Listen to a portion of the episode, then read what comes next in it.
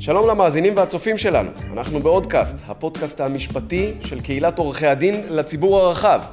בכל פרק נארח כאן עורך דין בולט מתחום משפטי שונה. והיום נמצא איתנו עורך הדין איתי הכהן, מבעלי אחד ממשרדי עורכי הדין הבולטים בתחום דיני המיסים.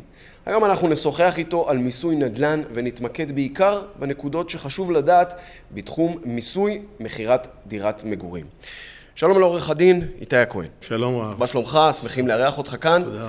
אה, מיסוי מקרקעין זה נשמע נושא מאוד סבוך ומפותל. אנחנו בהחלט מציעים לכל אדם שרוצה להניע איזשהו מהלך בתחום הזה להתייעץ עם עורך דין, נכון? אמת, נכון, ורצוי באמת להתייעץ תמיד עם עורך דין שגם יש לו התמחות בדיני המיסים, משום שבנושא של מכירת דירת מגורים, או בכלל בעסקאות נדל"ן, עניין המיסוי הוא מאוד דומיננטי, ואני רואה הרבה פעמים לפעמים טעויות שנעשות, שעולות ללקוח הרבה מאוד כסף, רק בגלל שלא לקחו את הייעוץ הנכון קודם לכן. אז אנחנו רוצים לחסוך ללקוחות שלנו כסף, לצופים שלנו כסף. אמ, בואו נתחיל עם השאלה הראשונה, מה המס שחל היום על מכירה של דירה או קנייה של דירה? כן, תראה, על דירת מגורים אה, יחידה חל עדיין משטר מס של פטור ממס, אבל הוא מוגבל לתקרה של 4.5 מיליון שקל לדירה, כ-4.5 מיליון שקל, וכמובן מותנה בכך שההחזקה בדירה תהיה לפחות 18 חודש, וגם שלא יהיה אה, תדירות של מכירה בפחות מ-18 חודש. זאת אומרת, לא מישהו שעכשיו קונה ומוכר בדיוק. כדי אה, אה, להתעשר או להרוויח. אמת, כן, כי אז אה, מס, מס, אה, שלטונות המס רואים בכך כמו איזה, כאילו הפכת להיות קבלן קטנצ'יק כזה, קוראים לזה עסקת אקראי, וזאת הקלת מס חמורה, כי אז לא חל עליך חוק מס שבח, אלא על פקודת מס הכנסה, שלפיה אין פטור על קבלנים הרי למכירת דירות מגורים. אז במקום לקבל פטור, אתה פשוט מקבל שומת מס שיכולה להגיע עד ל-50 אחוז. עשרות אלפי שקלים, מאות אלפי שקלים ממחירים של דירה, נכון? כמובן, כמובן, בהחלט. אז בעצם, אה, אם אנחנו מדברים על קנייה ומכירה של דירה, מה לגבי אלו שיש להם אה, יותר מדירה אחת, או שהדירה יותר יקרה מתקרת אה, הפטור? כן. נכון. אז ככה, לגבי האנשים שיש להם באמת מה שנקרא מרובי דירות, יותר מדירה אחת בז'רגון של מס הכנסה זה נקרא מרובי דירות, או מי שיש לו דירה יקרה מעל 4.5 מיליון שקל, גם כאן יש הטבת מס חשובה, שאומרת שלמעשה קוראים לזה חישוב ליניארי מוטב, שהמשמעות שלו היא שכל השבח שנצבר עד תחילת 2014 פטור ממס, וכל השבח שנצבר מ-2014 וצפונה חייב במס. אז ככל שיש לך דירה ישנה שרכישתה קדמה לשנת 2014, אז המרכיב הליניארי הפטור הוא יותר גדול. זאת אומרת שחלק ניכר מהשבח, מהרווח שאתה מפיק ממכירת הדירה, יהיה פטור ממס. זה מה שנקרא אומרת, חישוב ליניארי מוטב. ב-2014, כן. בעצם המדינה מבינה שאנשים מתעשרים מהמכירה והקנייה של הדירות. אני מדייק? כן, היה רצון באמת לצמצם את, ה, את הפטור הזה שהיה בעבר מרחיק לכת וניתן אחת לארבע שנים, אבל מצד שני גם לא רצו לפגוע רטרואקטיבית באנשים. אז לכן ב-2014 שבו נעשה השינוי, אמרו כל השבח שנצבר עד 2014 יהיה פטור ממס, ורק השבח שנצבר לאחר מכן יהיה חייב במס על בסיס חישוב ליניארי.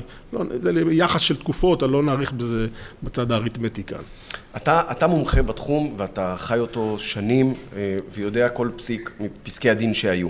אבל אם אני עכשיו אה, אדם שרוצה למכור את הדירה שלי בצורה פשוטה ביותר, לא בשביל להתעשר, אני רוצה עכשיו אה, אה, למכור את הדירה, להבין מה המס מבחינתי, מבלי לעשות איזושהי טעות. כן. מה אני צריך לעשות? אז הדבר הראשון שאני ממליץ לך זה באמת להתייעץ עם עורך דין שגם יש לו מבין בתחום המיסים. משום שהטעויות פה עלולות לעלות אה, הרבה כסף, ולכן רצוי לקחת ייעוץ טוב לפני שניגשים לעסקה שכזאת. מה עורך דין טוב יכול לייעץ לי? אז תראה, לבנות למשל... לי אולי שלבים אפילו, כן. מההתחלה, משלב א' אני אומר עד ככה. למשל משפחה שיש לה כמה דירות מגורים, כן, ורוצים למקסם את הטבות המס, אפשר לחשוב על תכנון מס שבו יפוצלו הדירות בין בני המשפחה, בני התא המשפחתי, לכל אחד דירה. כמובן שתא משפחתי נחשב כמוכר אחד, ולכן צריך לדבר רק על ילדים שמעל גיל 18. כי ילדים שהם פחות מגיל 18 זה לא עוזר שאתה מעביר להם את הדירה. אבל ילדים מעל גיל 18, עם כל כי אחד אתה יש לו... אפוטרופוס בעצם. כי זה לא עניין של רק אפוטרופוס, אלא פשוט החוק אומר שרואים בתא משפחתי אחד גם הורים וילדיהם הקטינים.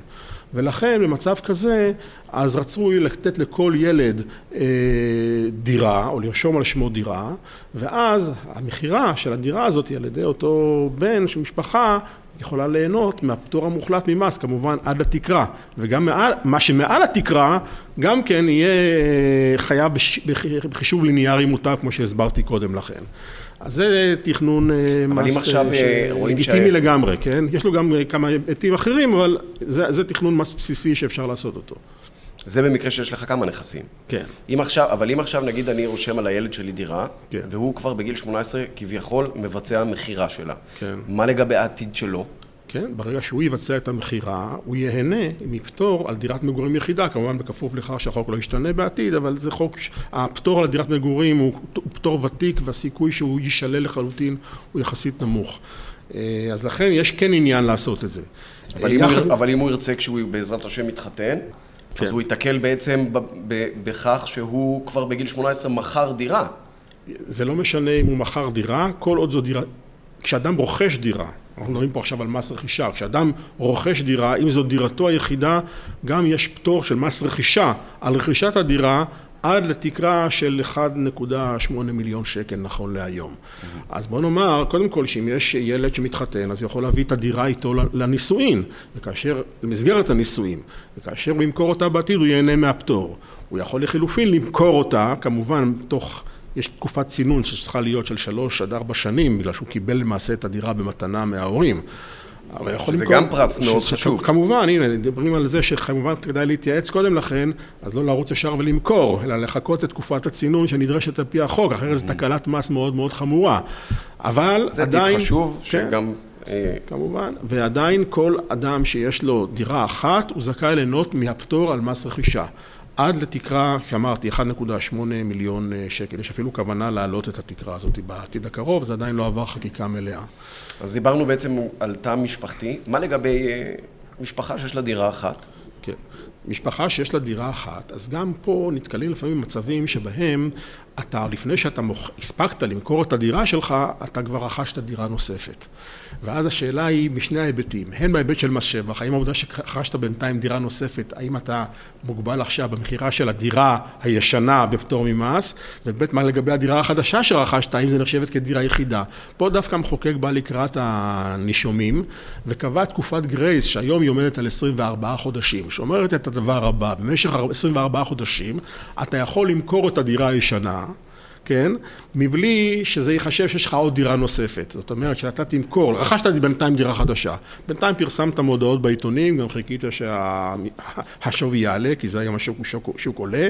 נהנית מתקופה של עלייה של שנת, עד שנתיים ימים, אתה צריך למכור את הדירה הזאת, יוכל ליהנות מהפטור על דירת מגורים. זה לגבי אז, הדירה הישנה. אבל זה קצת מכניס אותי ללחץ, לא? כי אני צריך לעמוד בטווח של ה-24 חודשים. בטווח של היום בוא נאמר שבשוק, בתנאי השוק של היום, 24 חודש זה די זמן בשביל למכור דירה, אדרבה, יש אפילו כוונה עכשיו בהצעת חוק שעומדת על הפרק לצמצם את, ה, את הפרק הזמן הזה, כי אנשים יותר מדי ישנו על הדירות, כי שוב אמרתי, הם רוצים שהדירות כל הזמן יעלו, אז הם מחכים עוד ועוד ועוד כדי שהדירות יעלו, כל יום שעובר הדירה רק עולה, אז האנשים דווקא מנצלים היום את פרק הזמן של ה-24 חודש, אבל זה בהקשר של מס שבח, גם בהקשר של המס... זה ממש מעניין מה שאתה אומר, כי אנשים רוצים, מבינים שאם הם לא יקנו עכשיו דירה, המחירים רק יעלו, אבל מצד שני הם רוצים לשמור על הנכס שלהם, נכון, שרק ורוצים ליהנות, ורוצים ליהנות מהפטור כמובן, כן, ולא כן. לא לאבד את הפטור, אז היום נותנים תקופה של 24 חודש. חודש. לגבי קניית הדירה החדשה, גם פה הוא לכאורה קנה דירה עוד לפני שהוא מכר אותה, אבל החוק נותן גם כן בעניין הזה גרייס של 24 חודש, ואם מכרת דירה ישנה תוך 24 חודש, אז הדירה החדשה נחשבת כדירה יחידה. למרות שבפועל כשהוא רכש אותה, עדיין הייתה לו את הדירה הישנה. אז הגרייס עובד לשני הכיוונים, וזה בעצם לטובת, לטובת הנישומים. שוב, יש כוונה לצמצם את זה ל-12 חודש בעתיד הקרוב, יכול להיות שזה יעבור חקיקה בכנסת. אז השאלה אם בכלל להיכנס למהלך כזה, או קודם כל... אמ, למכור את הדירה שלך, ואז בעצם, נגיד לדוגמה, אני עכשיו רוצה למכור את הדירה, אבל אני אומר, הכניסה עוד שנה. בזמן הזה אני רוצה לקנות את כן, הבית החדש שלי. מה עדיף כן, מבין פה שתי הדרכים האלה? פה צריך לעשות גם שיקולים של מצב המשק, שוב, של מצב השוק. מצב השוק היום הוא שהוא שוק עולה, ולכן מי שיש לו דירה לא נלחץ עם העניין של המכירה. ההפך, הוא יותר נלחץ עם הרכישה, לרכוש דירה כמה שיותר מהר, כי כל יום שהוא משתאה, המחירים רק עולים. אז אה, לכן, בהיבט הזה, אה, יש, אה, אפשר להיות רגועים בהיבט, בהיבט של תנאי השוק. אבל אם כמובן היוצרות יתהפכו, אז כמובן הסולידים שבינינו קודם כל ימכרו את הדירה שלהם, שהיא דירה יחידה, ואז ייגשו לקנות דירה חדשה. אני חושב שבמצב היום בהחלט סביר, לא הייתי מחכה לרגע האחרון, אבל לחכות עד שנה זה בהחלט סביר. אז אם עכשיו יש ברשותי כמה דירות, על איזה מהלך אתה ממליץ אה, ללכת כשאני רוצה למכור? כן, אז פה אני יכול לתת לך טיפ קטן שיכול לעזור להרבה אנשים שיש להם יותר מדירה אחת, איך ליהנות מהחישוב המס הליניארי. כי צריך לזכור שככל שאנחנו מתרחקים משנת 2014, אז המרכיב החייב נהיה יותר גדול. לא ניכנס עכשיו לחישוב האריתמטי למה זה כך, אבל זה כך. לכן מי שיש לו יותר מדירה אחת, מה שאני ממליץ לו לעשות, זה דווקא ליזום מכירה של הדירה הזאת היום. ול, ולקבע את המרכיב הפטור. זאת אומרת, הוא יצא מהעסקה הזאת עם נתח גדול יותר של רווח פטור ממס, פטור לחלוטין ממס, ואם הוא רוצה, והוא חושב שעדיין יש מקום להיות בשוק הדירות, ויש לזה מקום, לקנות מחדש דירה אחרת. בהחלט אה, טיפ ששווה הרבה כן. כסף, אני חושב. ואז כל העלות שלו, של, של הדירה החדשה, היא בעצם עלות חדשה, שעליה הוא כבר לא ישלם מס בעתיד, כי זו העלות של הדירה החדשה. וזה יכול לחסוך הרבה מאוד כסף לאנשים שיש להם יותר מדירה אחת. מה עוד שהחוק הולך להשתנות בקרוב, ותוך ארבע שנים, מי שלא, אה, לכרסם, בוא נאמר ככה, בחישוב הליניארי. ליניארי. אז גם מההיבט הזה יש, אה, יש יתרון אה, לבצע את המהלך שדיברתי עליו קודם. זאת אומרת, זאת ההמלצה שלך לאנשים שיש להם כמה דירות, וכמובן, הכי חשוב, אה, לקחת עורך דין, כן, לא להיכנס לתחום הזה לבד, לגופו, לבדוק, כל מקרה לבדוק לגופו, בהחלט. כי הפרטים חשובים, אלוהים נמצא בפרטים הקטנים. טיפ ששווה הרבה כסף. תודה רבה, עורך הדין איתי הכהן, מבעלי אחד ממשרדי עורכי הדין הבולטים בתחום דיני המיסים. בהחלט אה, שיחה מרתקת עם המון מידע חשוב שאתם יכולים לקחת איתכם, הצופים והמאזינים שלנו. אנחנו נתראה כאן בפרק הבא של אודקאסט, פודקאסט המשפטי. שלום ולהתראות. thank you